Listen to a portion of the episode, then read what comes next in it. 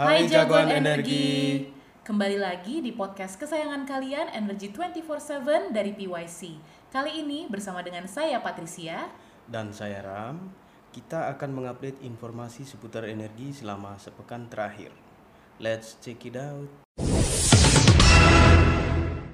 Seperti biasa nih jagoan energi, episode kali ini akan kita buka dengan harga komoditas energi.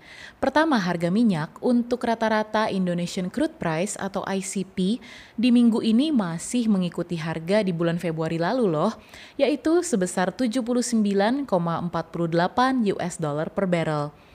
Untuk harga minyak internasional, kita ada West Texas Intermediate yang saat ini ada di kisaran harga 75,28 US dollar per barrel. Nah, satu lagi ada harga minyak Brent yang sekarang lagi berada di kisaran harga 81,25 US dollar per barrel. Harganya agak lebih mahal sedikit nih jagoan energi.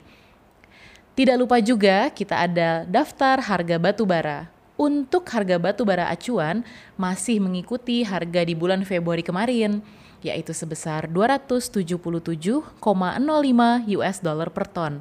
Dan ada juga Newcastle Coal Price yang pertanggal 9 Maret ini berada di level harga 182 US dollar per ton. Oke, jagoan energi, setelah tadi info terkait komoditas, kita beralih ke informasi berikutnya, minyak dan gas. Kali ini ada informasi terkait kebakaran depo Pertamina Plumang yang berujung pencopotan Direktur Penunjang Bisnis Pertamina. Insiden kebakaran depo Pertamina Plumpang, Koja, Jakarta Utara pada malam 3 Maret 2023 menghanguskan rumah-rumah warga yang dibangun di atas lahan milik PT Pertamina Persero, tepatnya berada di kawasan buffer zone. Buffer zone sendiri seharusnya tidak boleh dijadikan tempat tinggal, mengingat resiko karena berada sangat dekat dengan pipa yang mudah terbakar. Pasca kejadian tersebut, Menteri BUMN Erick Thohir meminta agar seluruh BUMN membentuk tim risiko bisnis, tidak hanya keuangan namun seluruh operasional. Tak butuh waktu lama, Erick langsung mencopot Dedi Sunardi sebagai Direktur Penunjang Bisnis Pertamina pada Rabu 8 Maret 2023. Untuk saat ini, jabatan tersebut akan dilaksanakan sementara oleh Direktur Logistik dan Infrastruktur Pertamina, yaitu Eri Widiastono. Kita lanjut lagi jagoan energi. Sekarang berita dari sektor mineral dan batubara. Harga batu bara acuan RI resmi diubah, ini alasan pemerintah. Berita kali ini kita kutip dari CNBC Indonesia tanggal 8 lalu. Pemerintah, dalam hal ini Kementerian ESDM, resmi mengubah pedoman penetapan harga patokan untuk penjualan komoditas batu bara.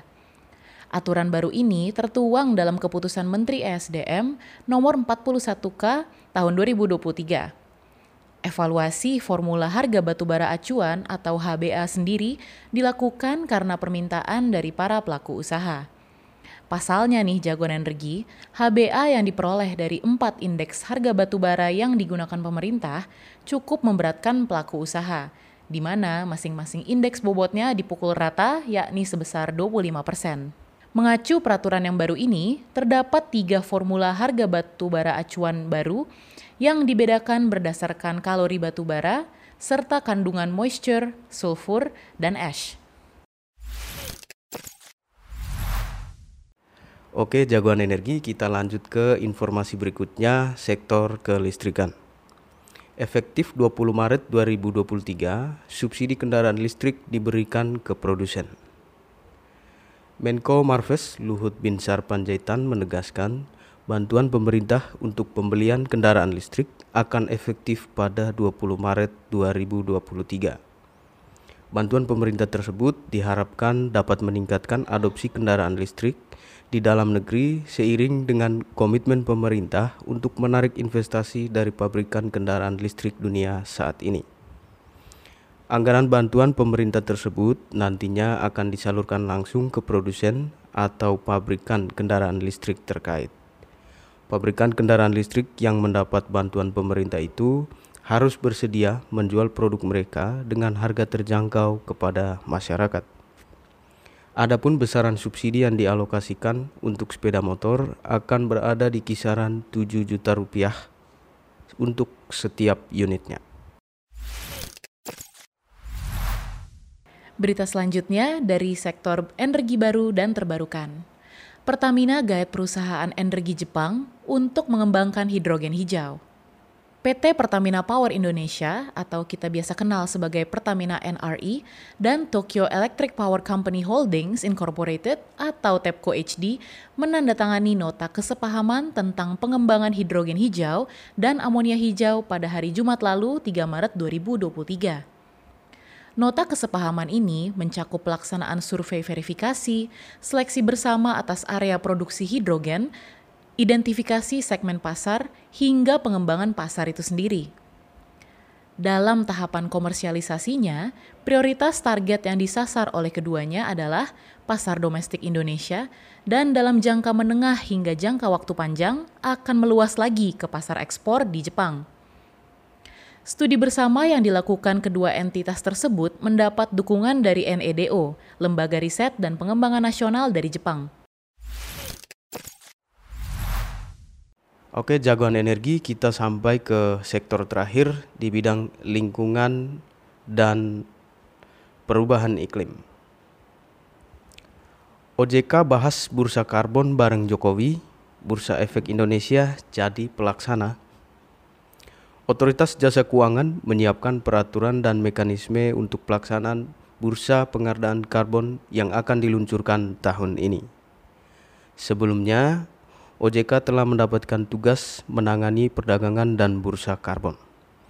Kewenangan ini tertera dalam Undang-Undang Pengembangan dan Penguatan Sektor Keuangan atau Undang PPSK.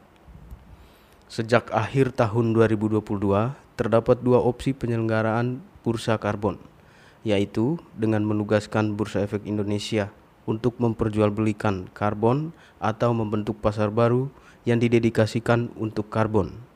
Di pasar global, opsi kedua lebih banyak menjadi pilihan karena memudahkan pengelolaan lebih fokus pada karbon saja. Selepas rapat soal perdagangan karbon bersama Presiden Joko Widodo di istana, Ketua OJK Mahendra Siregar sempat menyebut perdagangan karbon akan dilakukan di Bursa Efek Indonesia. Namun saat dikonfirmasi ulang, penetapan penyelenggaraan perdagangan bursa karbon baru akan ditentukan melalui peraturan Otoritas Jasa Keuangan Khusus yang saat ini masih disusun. Informasi di atas dikutip dari bisnis.tempo.com. Oke, jagoan energi, sekian dulu dari episode minggu ini. Jangan lupa follow semua sosial media kita, ada Instagram, Twitter, LinkedIn, Facebook, dan jangan lupa juga untuk subscribe ke channel YouTube PYC. Udah dulu ya jagoan energi. Stay safe and see you next week.